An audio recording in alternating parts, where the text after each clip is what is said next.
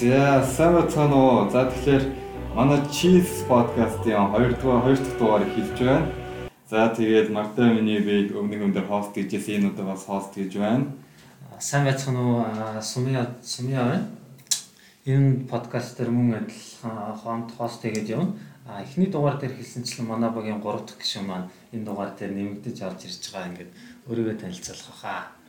За сайн байцгаана уу хүмүүс сонсогчдоо. А намайг өсөх хоёр гэдэг Cheese podcast-а хоёр найзтайгаа хамтраад цаашаа хөтлөө явуулсан даа хэрэг баяртай байна. За эхний дугаараас хойш 2 хоног өнгөрсөн байна. Энэ 2 хоногийн хугацаанд маань main event-ийн маань гол гол ерөн тоглолтууд яваад дараагийнхаа ерөн шат руу орж явах шиг байна. Тэгээд upper bracket гэдгээ болохоор өмнөөс хойш бид гурав дээд бүсгээд lower bracket доод бүсгээд яриад явчих. Илүү амар юм шиг санагдаад. Аа. Тэгээд 8 сарын 20-нд маань дээд бүсийн маань тоглолтуудаас эхлэх юм бол PSG LGD баг Virtus Pro багийн эсрэг тоглосон. Энэ тоглолтын дээр миний үзснээр PSG LGD баг маань нэлээд илүүрхэж хожлоо. Тэгээд та хоёрын хувьд энэ дээр ер нь илүүрхэхэд ер нь анализ хийвэл ер нь яагаад илүүрхөвч гэдэг юм эсвэл ягаад Virtus Pro нэг хожил авч чадсангүй вэ? Эсвэл хожиж чадсангүй вэ? За эндээс үзэхэд бол нэр PSG LGD бол үнэхээр чанга бай. Өмнөх жилийн алдаануудаа гаргахгүй үнэхээр хичээсэн байна. Тоглолтуудыг үзэж явах явцдад үнэхээр нягт тоглож чадчихээн. А түүнээс гадна үнэхээр бас сонирн сонирхолтой зүйл гэх юм бол PSG LGD-ийн пик байна. Пик нь бол үнэхээр л яг нэг эмгийн simple data буюу одоо бүр ингээд бат доото ингээ ярахаар юу тоглохоор л тийм гоё драфттай байна. Харин эхний тоглолтын дээр бүр сонин тохиолдол гарсан нь юу вэ гэхээр VP баг маань PSG LGD эсрэг мид даазал авч тоглосон. Энэ даазал өмнөдөө мид даазал бол зөндөө олон юм одоо олон улсын чанартай тэмцээнүүд гарч иж байсан боловч TI дээр бас Upper Bracket-ийн эхний тоглолтын дээр мид даазлыг хаарна гэж төдий олон хүн ер нь бодоагүй байх гэж би бодож байна.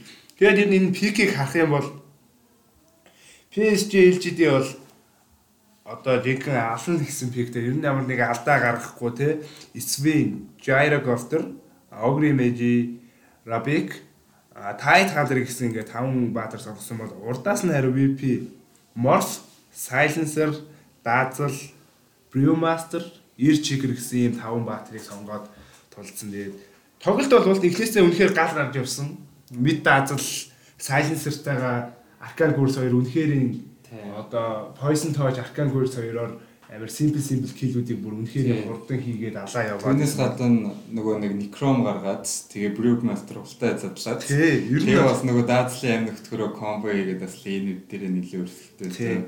Тэгээ Rodgers бас гол дээр аюу гой тоглолт гарсан хэрвээ чи санаж байгаа бол нөгөө айлын баатруудыг мид дээр хашд зам тавиад Тэгээ өөрөө багтар зай гаргаж өгöd бас айгүй гой гой тоглолтууд гарч ирсэн. Хоёр баг мөнгөөр өрсөлдөөнтэй байсан. Тий, ер нь бол энэ хоёр багийн тоглолт бол үнэхээр үзэх юм ихтэй байсан боловч.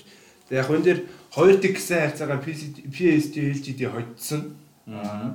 Бас давуу баг нь PSG LGD зүг. Тэгээд PSG LGD багийн хувьд бол үнэхээр тийм алдаа бол гаргахгүй бол урдаас нь би одоо бодохдоо Ранзис маань нэлийн тийм агрессив тоглолтыг морфоор үзүүлээд буцаад одоо морфи үлч өөрөөгөө хувирдаг скил учраас өөрийнхөө хүн ирчикрийг шиг хувираад стандарт фишүр хийгээ яваад байгаа боловч шиг гол тохиолдол нь юу гэхээр нөгөө баг нь Жайрогофтер Свин тайд гэсэн үнэхээр махбаатрууд одоо хүмүүсийн одоо бидний яг хил зарсаа махгүй амар тийм таг баатрууд авсан учраас энэ л тэгээд боож өгсөнгүү. Тэгэл ихний тоглолт яг л нэг болдгоороо нэг PSG ээлжлийг тад явсан бол хоёр дахь тоглолтоос эхлээд PSG маань юу Virtus Pro маань нэлийн өөр тоглолт өөр драфт гаргаж ирж үтсэн.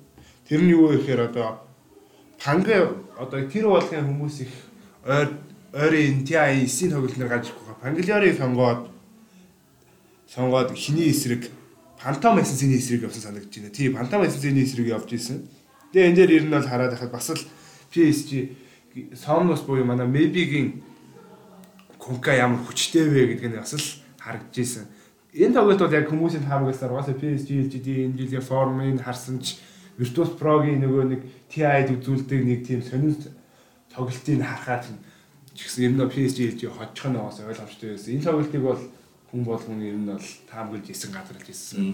Тэгээ эндээс ер нь бол ярихад юм юу үлдэж байгаа вэ гэхээр Virtus Pro гэдэг баг Major дээр Virtus Pro ямар амар вүлээ. Тэгсэн ер нь ягаад international тэмцээн дээр юм ингээ муу байна. Энэ энэ одоо багийн талаар та яг нэг яг юм яриул юу бодогдож байна. Яг манай Орсад Орсах нарын баг очны хэллэгээр Тэгээд яг энэ баг дээр би биттэй ирсэн. Саяын тоглолтын дээр 1500 өргөтэй ирсэн.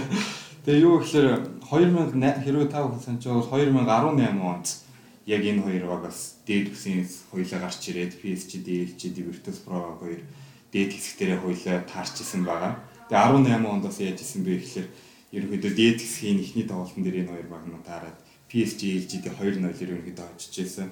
Сая 19 онд бас яг дээд хэсгтэрээ гарч ирээд энэ хоёр мөг нь хоорондоо таарад бас 2-0-оор хожлоо. Тэгээ яг судалгаанаас хараад үзвэл энэ 2 жил яг адилхан зүйл болж байна. Дээрээс энэ дээр миний анзаарснаар бол ээлжидээ айгуу гоё тийм 50 сэтгэл зүйн бэлтгэл өндөртэй тоглолт хийсэн.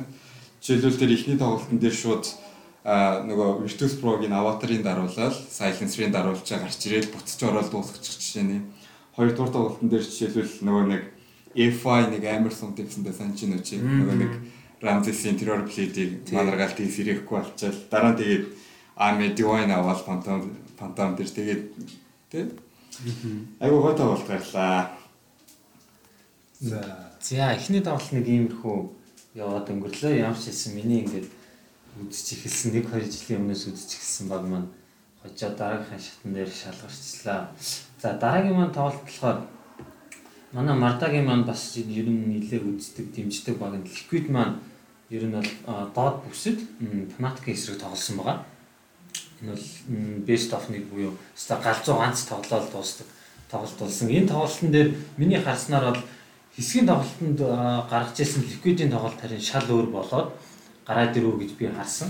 Аа гэхдээ фитнес миний ажигласан зүйл нь маш хурдан дуусахыг ликвид ер нь бол тийм хүссэн тим пикийг сонгоод тэгээ тэрийгээрээ бас дуусгах чиг болсон.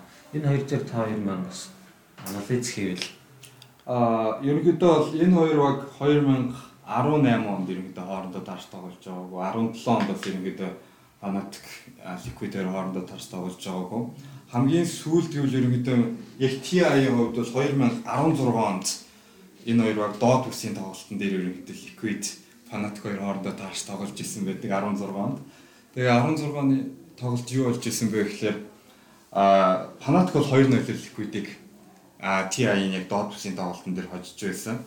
Тэгээ сая 2019 оны яг хасагдах доод бүсийн тоглолтын дээр яасан бэ гэхээр Liquid ерөнхийдөө 1-0-оор Fnatic-ийг очсон. Айгүй ихтэй тоглолт хийсэн.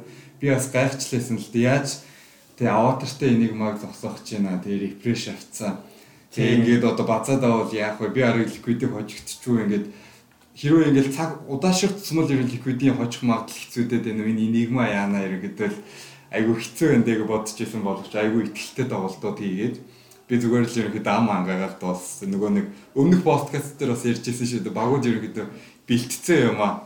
Энэ нөгөө нэг одоо яг мен ивент эхлэхэр хийж эхэлдэг гэх. Тэгээ яг Liquid-ийн тоглолт бол ерөнхийдөө яг тэр бэлтцсэн тоглолтуудаа гаргаж ирж гинэ гэж хармаар одоо жишээлбэл Fnatic эсрэг тоглолт, TNC эсрэг тоглолтоос харахад ерөнхийдөө пенүүдийн ихтгэл найдварыг одоо яг сэргээж эхэлж байна. Тэгэхээр одоо RNG-г хожиж юм бол ерөнхийдөө миний би буцааж найзууд руугаа ерөнхийдөө зарлаж эхлэх бодолтой байгаа тийм. Манай баг те одоо хожоод эхэлчлээ гэх тийм. Ерөнхийдөө сумгийг болж бодож байна. Liquid юу Fnatic-ийн хувьд бодох юм бол ер нь бол энэ пикнээс харахад одоо Fnatic маань Аз TV маань төлөв одоо хуучны томоохон одоо бол Ice Ice Ice гэх мэт юм томоохон тоглогч нар ихтэй. Тэгээд би энэ дэр пикийг яг хийгээ бодож байхад бас л Gyro Ghoster Ayo гэсэн комбо орж ирсэн. Эхний хоёр пикэрээ шүү Тий. байна тийм. Энэ комбо пик бол бас л их одоо тийм байдаг одоо simple пикүүдийн нэг болсон боловч энэ тогт бас зогсооход хэцүү. Нэг хүчээ авчих юм энэ хоёр чинь нэг комбо болоо явчихаараа дийлдэхгүй хоёр бол а эсрэг талд нь болохоор юу байсан бэ гэхээр Ice Ice Ice Timbers ав. Үнэхээр хүчрэхийг орж ирж исэн. Timbers ав доод лейндээ бол нэлийн тийм одоо агрессив байдлаар таавар руугаа бүшилж ороод ер нь доод лейнийг авцсан гэж хэлчихэд буурахгүй байсан бол их нь одоо early game дээр буюу одоо ихэнх үедээ фанатик хувьд бол үнэхээр дажгүй байсан боловч яг mid control-ыг Кунка алдсан бол доотлоо айс айс айс бол илүү байгаад байсан болов. Би нэг л зүйлийг хүсэж байсан юу гэхээр DJ-гийн Enigma-гийн Black Hole байлаа. Тэгээд DJ-гийн Enigma-гийн Black Hole бол нэлээд уулна алдартай. Олон тэмцээнээр хийгээд багтаа олон хожлыг авчирч байсан боловч энэ удаагийн тэр Black Hole-ыг ерөөсөө хийлгүүлсэнгүй. Хийсэн болов нэг ганц хоёр дээр тэрийг нь бас контрлоо зогсоох сүүл хайд хаалдартай байсан учраас энэ нь бол DJ-гийн Black Hole position 4 дээр орж ирэхэд бол Тэр хамгийн доотлолт хийдэг дан дээр жишээлбэл Titan дээр багийнхаа ард даагч зарлуу яалаа ямар ч арталтан гараад бүр А ер нь нэг Black Hole-ыг зогсоогоод Панадгийн позишн бол үнэхээр аимшигтай алдуулж сайн байнаас. Тэн дээр бол би үнэхээр харамсч байсан яг. Тэгээ ер нь бол хүмүүс бас гадралж л байсан баг. Liquid хөвчлэн нөгөө нэг одоо чансаад одоо хийсэн нэг юм хийсэн юм хий гэдэг шиг л үздэг. Хэдий 17 онд авраг болохдоо дээд брактаар явсаар байгаа төрсэн бол өмнөх жилүүд өөр мажор тэмцээнүүдэд lower bracket руу юу доод хэсэг рүү унаад түүнээсээ бооныгийн тоглолтуудыг хийгээ явахдаа үнэхээр сайн багууд нэг юугаа хийхдээ бол манай Крокогийн драфт бол үнэхээр гайхалтай гэж. Энэ тоглолтын дээр бол бас болох настай юм болдгоороо болсон доо арай. Тий, тэгвчлээ жишээлбэл одоо энэ дээр юу вэ штэ. Panathinaikos нөгөө нэг групп B дээр а групп стейж дээр яасан бэ гэхээр EG-г 2-0 битсэн нэг удаа. Тэгэхээр би бас EG-г 2-0 битсэн болохоор Панатик нэлээ барьцгүй тоглолт хийж болох нөө гэдээ бас санаа зовж исэн. Гэхдээ л Liquid ерөнхийдөө айгүй жигт тоглосороо байгаа л ерөнхийдөө бол очсон шүү. Тийм тийм. Ер нь энэ хоёрын тоглолт бол тийм авах зүйл нь одоо а хүлээцтэй зүйл нь юу байсан бэ гэхээр л DJ-гийн Black Hole-ыг хүлээж исэн болов тэр нь тийм амжилттай болсонгүй тэгээд Конкатагаа нийлээ нийлэн комбо, Elder Titan комбо явах болов гэсэн боловч тэгээд тэгэл дуусчлаа да. Тийм маш хурдан хугацаанд дуусчих болсон. Тийм байна. За Liquid маань ингээд цаашаа ерэн шалгараад яг одоо подкаст хинт хэлсэн шиг яг одоо тоглолтоо хийж байна. За дараагийн нэг дээд хэсгийн маань нэг тоглолт нь болохоор маш өрсөлдөөнтэй тоглолт болох шиг болсон. VC Gaming болон TNC Predator гэдэг багуудын хооронд. Энэ тоглолт маань маш өрсөлдөөнтэй яваад 2-1 харьцаатайгаар VC Gaming-ийн ялтаар өндөрсөн. Гэхдээ эхний тоглолтыг бол TNC Predator баг авсан хэдий ч хоёр дараалж хожоод мөн гурав дахь тоглолтын дээр бол миний хувьд VC баг бол TNC багийг маш уртаа хугацаанд хожоод ер нь бол дараагийн шатндаа шалгарчлаа. Энэ дээр ер нь TNC багийн эхний тоглолтын маань пик нь ер нь яг ямар пик сонгоод ер нь хожив эсвэл VC Gaming баг маань пикэн дээр алдаад эхний юм дээр хожигдвоо. Мөн 2 дахь 3 дахь тоглолтын дээр хожсон ер нь бол шалтгаанууд нь яг юу гэсэн юм болоо. За эхний тоглолт бол нэлээд бүр одоо 80 70 хэдэн минут 76 минут тий 76 минут тийм бүр удаан тоглолт болж TNC баг маань хоцсон байгаа. Эндээс харахад бол нэлээд тийм early game combo их гоё орж ирсэн. Тэн дээр юу гэдэг ямар combo байсан бэ гэхээр Sand King, Tiny, Life Stealer гэсэн нэглээ энд энэ гурван баатар маань явсан. Тэгээд First Blood Kill-ийг хэрэг үтсэн хүмүүс маань харсан бол их гоё авсан. Яасан бэ гэхээр Tiny Life Stealer шидээд нэг баатарлав. Аа харин тэр King-ийн цаана ингээ хүлээ зогсож байгаад гарч ирсэн дээр шууд War Striker стандарт ингээд шууд нэг баатрыг бол ингээд хаалаа. Энэ тоглолт маань удаашрах тусмаа угаасаа яалтчгүй TNC-д амар хэрэгтэй одоо юу гэх юм ашигтай тал руугаа яваадсан. А харин эрдэ уртлаас нь Witch Gaming-ийн пик бол Enchantress Magnus, Witch Doctor, а Juggernaut лөө. Тийм Juggernaut. Juggernaut нэг нь Lina гэсэн нэг юм таван баатар авсан бас л нөгөө нэг pub game шиг юм pub game-ийг санагдуулан тоглоом болоо. Тэгээд ер нь бол эндээс эхний game-ийг ингээд маш удаа үргэлжлэсний дайнуудаа их гоё хийсэн дээрээ TNC авсан бол хоёр дахь тоглолтоос эхлээд яасан бэ гэхээр бас л нэг цаг гарангийн тоглолт болсон санагдаж байна. Тэгээд Gaming-аас Paparazzi-гийн live stealer гарч ирж ер нь энэ тоглоомыг хийцэн гэлээ баг буруудахгүй хаа л гэж бодож байна. За гурав дахь тоглолт гэх юм бол гурав дахь дээр ер нь юу болсон бэ гэхээр Энэ бол ер нь пикний давуу тал гэж би бол хэлмээр байгаа. Юу вэ гэхээр Medusa Medusa-г хамгаалсан одоо Warlock, Shadow Demon гэсэн хоёр supporттойгоор тоглосон. Үнэхээр Medusa-г нөгөө нүклж чадахгүй байсан л да. Хэдийн урт нь эсрэг талд нь Brood Mother, Tiny, Juggernaut, Earthshaker, Grim Strike гэсэн бааtruуд байсан ч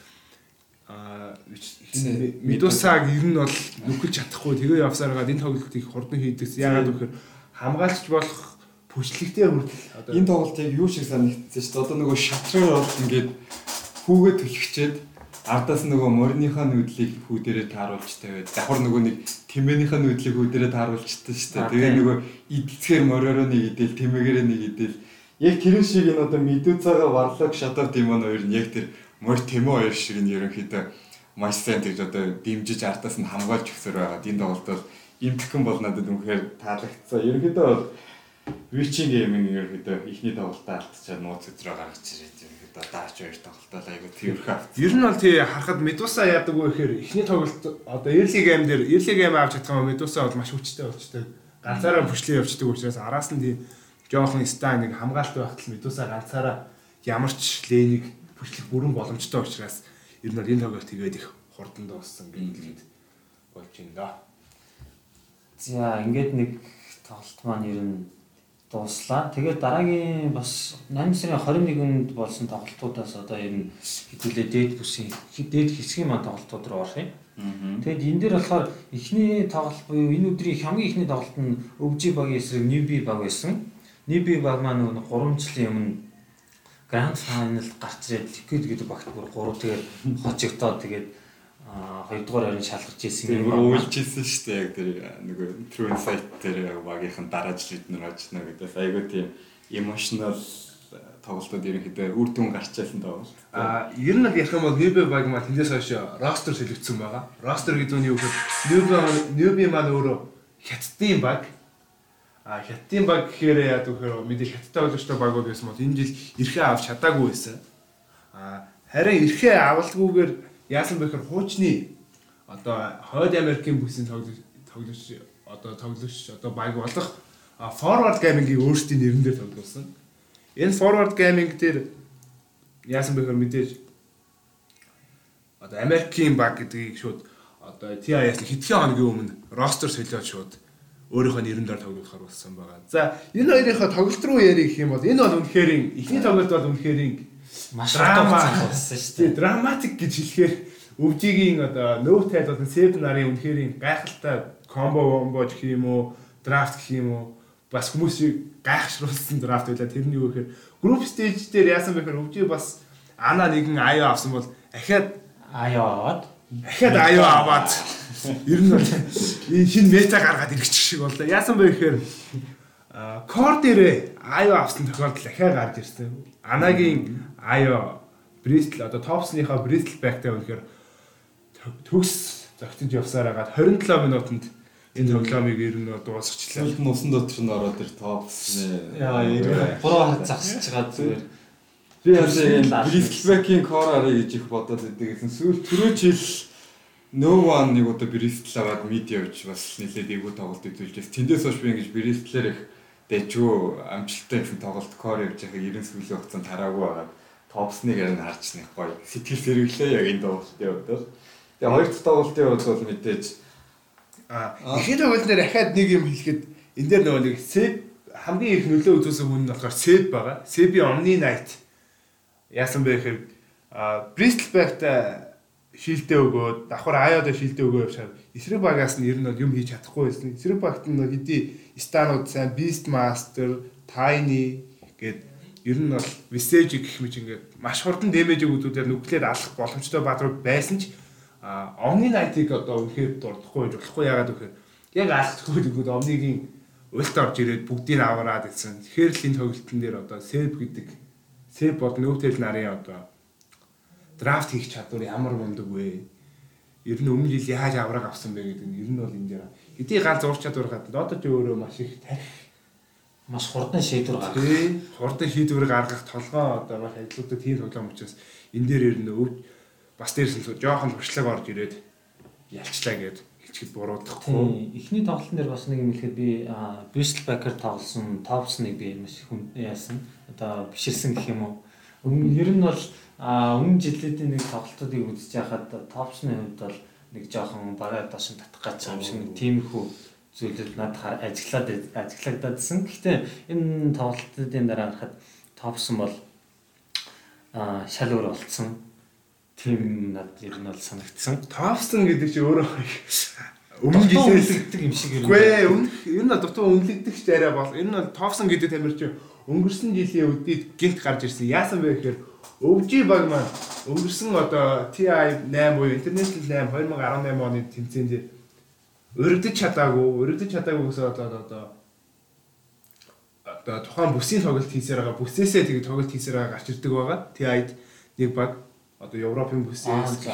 Харин тэний өмнө одоо яагаад бас юу болсон ийм хүмүүс болсон бэ гэхээр одоо өвжи багт хамт байсан хин Fly болон S4 нар Аа EG рүү ороод үн тийм тий тийм. EG рүү ороод тэгээ өвжи дээр ганц үлдсэн хүн нөөтэй л Jerex хоёр үлдэнгүүтлээ тухайн үед хэнийг нөгөө нэг манай Ана маань тухайн үед яатсан байсан бэ гэхээр дотоогоо түр засварлага авцсан байсан бол нөөтэй л хэлээд Анаг буцааж авчираа тухайн багийнхаа коуч хийжсэн хэнийг Сэп буюу Seven fucking mad гэж нэрээр тухайн үед одоо юу хийжсэн насажуулагч хийжснийга тоглоулдаг болоо. Тэнгүүтлээ бүр ингээ огт танихгүй, танихгүй, хэнийг ч мэдэхгүй нэг топсон гэдэг нэг нөхрийг авчираад TI төрүүлж ирсэн. Энэ бол үнэхээр одоо дутуу үнэлж болохгүй гэж хэлж болохгүй юм байгаа л да. Тэр өмнө нь огт ийм professional буюу мэрэгжлийн төвшөнд тоглож байгаагүй зүгээр ингийн pub орчинд тоглож исэн залууг авчираад TI төрүүлж исэн. Энэ бол өмнө жил бол Cinderella-гийн үлгэр гэж яриад байгаа хүмүүс. Түүнээс гадна бас өвжигийн маань киног Red Bull компани хийсэн байгаа. А тэр Red Bull нь юу гэлээ? Against the Odds гэдэг кино байгаа. Тэр барилдад кино байгаа. Тэрийг бас та ядыг бас сонсогчтойгоо нэг үзээсэй гэж хүсэж байна. А тэр кино нь тэрхүү кино маань яг өвжигийн одоо авраг авах момент хүртэл нь яаж явсан, нөвтэй л яаж аврагын энэ цолонд хүрж байгаа вэ гэдгийг харуулсан тийм кино байгаа. Тэгэхээр ер нь бол товсныг их дутуу үнэлэх, үнэлэгдэж гин гэж хэлээд байх буруу ах гэж би ер нь бол бодоод байна. Тийм учраас одоо цааш цаашдын тоглолтуудыг харъя ингээд өвжи өвжсэн дээд хэсгийн тоглолтонд хожоод тэгээд ихний хожлоо хийсэн байгаа. За миний бодож ирснээс арай тийм үү. Аа миний хувьд яг тэгж санагдсан. Гэхдээ ер нь шинэ тоглогчид гаргаж ирээд аваад TI-д ороод төрүүлсэн гэсэн үг шүү дээ өнгөрсөн жил үл Тийм.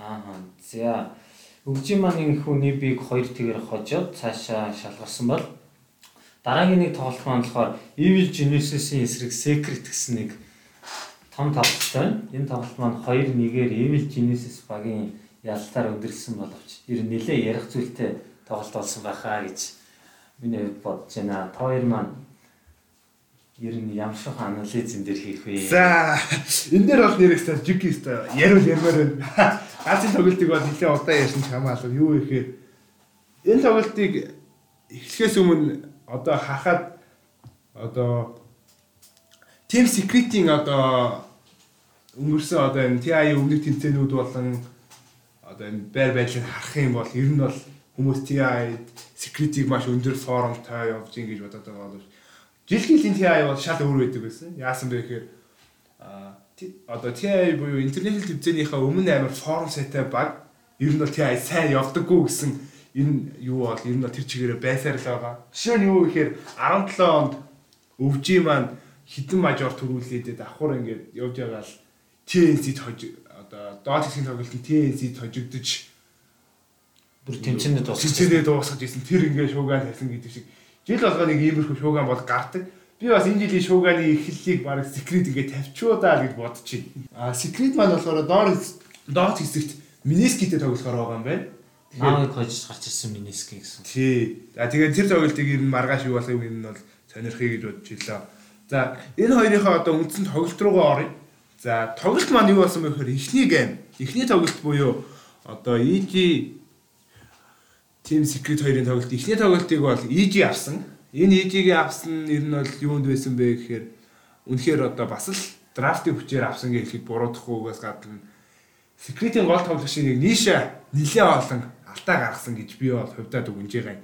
Яасан бэ гэхээр Ниша маань Weka бүр White King-ийг Siflane дээр аваад тэгээ явж байхдаа юм фармд явж байх хоорондоо ганцаараа явж байгаа хид хид удаа унсан одоо өгсөн гэж гэж байгаа. Ягаад би бол энийг л ер нь тоглолтын эргүүл эцэг болов гэж бодоод байгаа юм.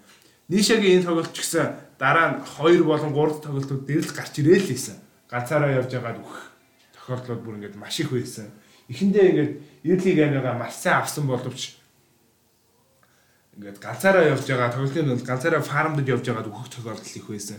За эхний тоглолтноос онцлог зүйл нь юу байсан бэ гэхээр критинг Windranger байлаа. Windranger бол үнэхээр шекл шот болгон онд байсан одоо багийг өстө тогтооход Windranger-ийн шекл шотуудаар л ер нь бол ийг хожицсан гэх буруутахгүй л болсон доо. Энд дээр бол критик үнэхээр эхний тоглолтын MVP байлгаж чадсанаар MVP байж чадсаар эхний тоглолтыг бол EG багийнхаа их завдгүйгээр бол авцсан байгаа. За хоёр дахь тоглолт бол жиглэн өста гал гарсан комбо вомбота хуучны доодоо хэрэгүүлэн үнэхээр өста сэв гээд орилмоор тоглолтыг бол үнэхээр хоёр баг аль аль нь бол гаргасан. Энэ тоглолтын юу нь байсан бэ гэхээр хоёр баг маань өөрсдөө бас тийм хүчрхэг ультиматуудыг сонгож пиклсэн. Ялангуяа Secret багийн пикийг бол энэ дээр онцлмоор байлаа. Тэр Secret маань юу юу пиклсэн бэ гэхээр Crystal Maiden, Ear Shaker, Invoker, Void болон Enigma гэсэн таван багийг таван баатрийг бол пиклсэн. А эсвэргээрээ болохоор Evil Genius багийн маань тоглолтууд юу байсан бэ гэхээр Swing, Rabik, Tide Hunter, тэгээд Lishra, Shadow Demon гэсэн баатруудыг авсан байгаа. А эндээс нь ер нь бол үзэхэд эхний тоглолтуудыг цаг гарантаа болж яхад а одоо early game буюу эхний хэсэгтээ бол EG бол арай илүү давмгай давмгай байж чадсан боловч төгсгөл рүү төгс рүүгээ яагаад ч юм бэ нөгөө нэг ultimate-ийн ачаар ер нь бол EG юу secret хожид тал руугаа хандсан гэж хэлж болно. Түүний одоо хамгийн гол зүйл нь юу байсан бэ гэхээр Void болон Enigma дээрээс нь Ear Checker гэдэг маш хүчрхэг тийм ultimate-үүд скиллүүдтэй бай скиллүүдтэй байсан. Хэдий энэ тоглолтын дээр Мид он Invoker тийм сайн тоглолтгүй нилээ мэдээ алдсан ч гэсэн түүнийг нь багийнх нь одоо офлейнер тоглож болох заай нөхсөн байгаа. Энэ дээр ер нь бол урдаад байхад төгсгөлд заай бол нилээ хоёр одоо Black Hole бол үнэхээр 3 3 баатартай хийсэн үнэхээр гой тоглолт бас. Энэ дээр одоо үнэхээр заай бол юу байсан MVP тоглолт тухайн тоглогчийнхоо тоглолтынхоо MVP нь байж чадсан байгаа. Тэгэхээр ер нь бол эндээс харж байхад Dota гэдэг бол өөрөө багийн спорт гэдэг шиг нэг нь хэдий муудсан ч одоо муу тоглолтын нөгөөх нь ингээд өгч чаддгаараа ингээд энэ тоглолтыг бол нэлээд харуулсан бол гурав дахь тоглолт үнэхээр гоё пиктэй одоо EG-ийн коуч болох Булбагаас их гоё пик орж ирсэн нь юу вэ гэхээр одоо Enchantress, Shadow Demo, Magnus, Ember болон Phantom Essence гэсэн баатруудыг оруулж ирсэн. Тэгээд би энэ дээр энэ шууд драфт хараа бодож ирсэн л да. За энэ тоглолтыг үзэж яхад за ер нь бол энэ тоглолтоос яаж Weaver-ийг зогсоож байгаа бол юу Weaver-ийг зогсоож байгаа ер нь бол Slark-ийг одоо Slark Weaver гэсэн хоёр баатарыг зөвхөн ганц RP-гаар зогсооно гэдэг энд одоо кредит нэлийн том тийм ачаал өглөөдөө гэж би бодож исэн байхгүй. Тэгсэн бол тоглолт ушаал өөрөөр иргсэн. А хэдий эхний тоглолт юу early game буюу ихэнх шатанда EJ бол контрол алдаж эхэлсэн яалтчгүй үнэ. Яагаад вэ гэхээр нэгэн эсрэг нэг мэд дээр Эмбри эсрэг Сларк гэсэн хоёр баатар толоход Сларк ялч баатрын хувьд Эмбриг бол илүүрхэн. А буцаад дээр дээд одоо хэсэгт юу болсон бэ гэхээр Сандкинг Мирана болон одоо хин Phantom Essence-ийн Shadow Demon-ы эсрэг явахад юу Shadow Demon Magnus-ийн эсрэг явахад бол Сандкинг илүүрхээ гараад ирсэн. Ер нь бол early game Secret баг маань авцсан гэж хэлэх буруудахгүй. Харин түүний гол хүлээцтэй юм. Ийж маань маш сайхан хүлээцтэй өөрсдөө фарм гаргаад нэгт тогсныхоо хүчинд бол RP дээрээс хоёр RP дээрээс ер нь бол тоглолтыг бол дуусгацсан гэж хоёр RP гэдэг олон хүнийг хамаагүй а зөвхөн 2 2 1 тий 2 2 бүхэн core батрууд энэ халаад исэн учраас ер нь бол тэгээд эндээс ер нь бол пикнийхаа драфтыг үнэхээр гоё хийсэн. Малнус position 4 дээр орж ирэхээр яадаг вэ гэхээр ойрын баатрууд дээр empower буюу өөрөө хоёр дахь скиллээ өгөхөөр ер нь бол тухайн одоо аль өөрсдийнх нь core battle баг нэг butterfly авсан шиг л butterfly авсан шиг л тийм одоо damage-тэй дээрээс нь тийм хурдан фарм чаддаг учраас ер нь эхэндээ фарм алдаж явж байгаа network-та алдаж явж хагаад а сүүл рүүгээ буцаага бариад авсан. Энэ тоглолтын дээр бол ерөөсөө пикний илүү болно болон одоо ур чад ур чадварч гэдэг биш сайн одоо ойлголцож тогсныхоо хүчинд ер нь бол EG маань хожицсон гэж байна. Тэ. Эндээс гэхдээ нэг оцлогчтой зүйл нь юу гэсэн бэ гэхээр Миранагийн айруу бол айруу байлаа. Маш их онсон бүр. Эсрэг багийн нийтийнхэн маань бүгд одоо талтгаандаа нөгөө саранцтай. саранцтай юм шиг л бүгд тийшээ ер нь бол гүүгэж явах юм ер нь бол ингээд крипто дундаа шүртэл дандаа баатар нож оноод исэн боловч тэгээд эцсийн мөчөд ижи ялагч нь байж энэ тоглолт маань дууссан. За тэгээд эндээс харахад бол апер брактийн одоо буюу дээд хэсгийн маань дөрвөн баг ингээд тодорчж байгаа. За нэг эхний хэсэгт бол юу вэ гэхээр хиттийн rival тулахаар болсон байгаа. PSG, LGD-гийн эсрэг Vichy Gaming. А энэ бол хиттийн rival гэж явуулж байгаа бол а дараа чинь дээд хэсгийн нөгөө хоёр тоглолт нь өнгөрсөн жилийн хоёр ахаад favorite хоёр баг OG эсрэг EG ахаад тулсан байгаа. Энэ хоёр маань өнгөрсөн 18 онд тулсан бол энэ жил ахаад яг дээд хэсэгтээ яг тухайн хэсэгтээ ингээд таарлаа. Тийм. Аа өнгөрсөн жил өвжи баг маань Evil Genesis-ийг 2-1-ээр хожоод цаашаа шалгараад улмаар төрүүлж исэн юм байна. Тийм. Мөн адил PSG LGD бол энэ жил мөн адил гараад ирлээ. Тэг яг өмнө нь бол Vichy Gaming-ийн эсрэг Liquid байсан бол энэ удаа ингээ Vichy Gaming буюу Хятадын rival дээд хэсэгт анхаарууллаа. За тэгэд би болохоор энэ дээрээс PSG LGD-г өвжигтэй яг өнгөрсөн жил шигээ дахиад дараагийнхаа шатнд шалгарах байхаа гэж ер нь таамаглаж байгаа. Аа хэдийгээр EG-ийн хувьд бол маш хүчтэй тоглолтыг үзүүлж исэн боловч миний хувьд бол өвжиг бол дараа нь дараагийн шатнаа шалгарч байхаа гэж найдаж байна. Мөн Evil Genesis Team Secret-ийн тоглолтын дээр би Сомалиг аа, магтмаар байсан. Эхний тоглолтын дээр Лишрак авчаад маш гоё тоглолтыг ер нь бол үзүүлж хийсэн. аа. Тэгээд ер нь бол ялалтыг бол авсан гэж бодож байна. За дараагийн тоглолт нь ямар тоглолт байгаа вэ? За одоо манай дараагийн тоглолтууд юу руу орж байгаа гэхээр доод хэсгийн тоглолтууд руу орчиж байгаа. За хэсэг хэсэгт одоо эхний одоо багууд одоо хасагдаад эхэлсэн. Эндээс одоо хасагдсан багуудаас харах юм бол Alliance А Alliance За Alliance яасан бэ гэхээр Royal Never Give Never Give Up буюу одоо хятадынхаа хятадын бас нэг хүчрхэг багт ялд нэг тэгээр ялагдаж ер нь бол тэмцээндээ өндөрлүүлсэн бол дараа нь Fnatic сая бид нэг ярьсан шиг тэмцээндээ өндөрлүүлсэн. Үүний дараа Infamous болон King Gaming-ийн тоглолт болоход King Gaming одоо Fam- Infamous ялагдаж тэмцээндээ өндөрлүүлсэн байгаа. За түүний дараа нэлийн бас шууган шуугатай зүйл нь байсан бэ гэхээр Нави Минискигийн тоглолт гарч ирсэн. А Навигийн тоглолт яасан бэ? Хүмүүс их шуугантай гэдээсэн бэ гэвэл хүмүүс Нави маань хэсгийн тоглолтод бол нэлээд хүчрхэг байсан. А хүчрхэг байсан тул даа нэлээд ингэж яг дааж юуныхаа lower bracket руу буюу доод хэсэг рүүгээ орцсон. Тэгээд юу доод хэсэгтээ Минискид хожигдоод тэмцээний өндөрлөөс ингээд одоогоор хасагдсан юу ингээд юу доод хэсгийн ихний дөрөв тоглолтод хасагдсан дөрөв баг нь энэ бол энэ бол дараагийн тоглолтууд маань бас доод хэсэгтээ яваад эхэлсэн. Аа. За үүний нэг жишээ бол дөнгөж сая болсон нэлээд томоохон зүйл боллоо. За энэ энэ юу байсан бэ гэхээр R&D буюу Royal Never Give Up эсрэг Virtus Pro тоглож энэ тоглолтын дээр Royal Never Give Up маань Virtus Pro-г хоёр тэгээр хожоод Virtus Pro өмнө одоо өчигдөрхөн одоо дээд хэсэгтэй байжсэн бол өнөөдөр ингээд тэмцээнээ дуусгалаа. За тэмцээнээ яагаад дуусгаж байгаа вэ гэхээр Royal Never ер нь бол тэгээд болсонгүй хижээ тоглоо тоглоод хожигдлын харах юм бол а юу байсан бэ гэхээр одоо R&D баг маань нэлээ хүчрхэг байна. тоглолтыг үзүүлсэн. Тэгээд үүний улмаас Virtus Pro маань хойд хөршийн маань багийн хөө хожигдоод тэмцээндээ дуусглаа.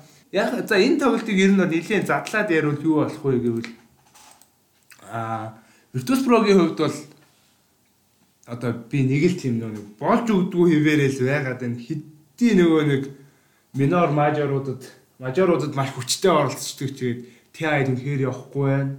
Хэдий багийн одоо юу потенциал болон байгаа. TI-г одоо авах потенциал байгаа. Тэгээд би ингээд хасагдсны дараа ер нь бол бодож байхад ингээ Рожер маань энэ баг энэ гар багаас явхаар болчих шиг л боллоо гэж. Эсвэл соолоо ч юм уу нэг багийн драфтыг хийдэг хүн. Ер нь бол аа хим маань би ер нь бол ингээ Рожерыг ер нь бол энэ тоглолт ингээд явт.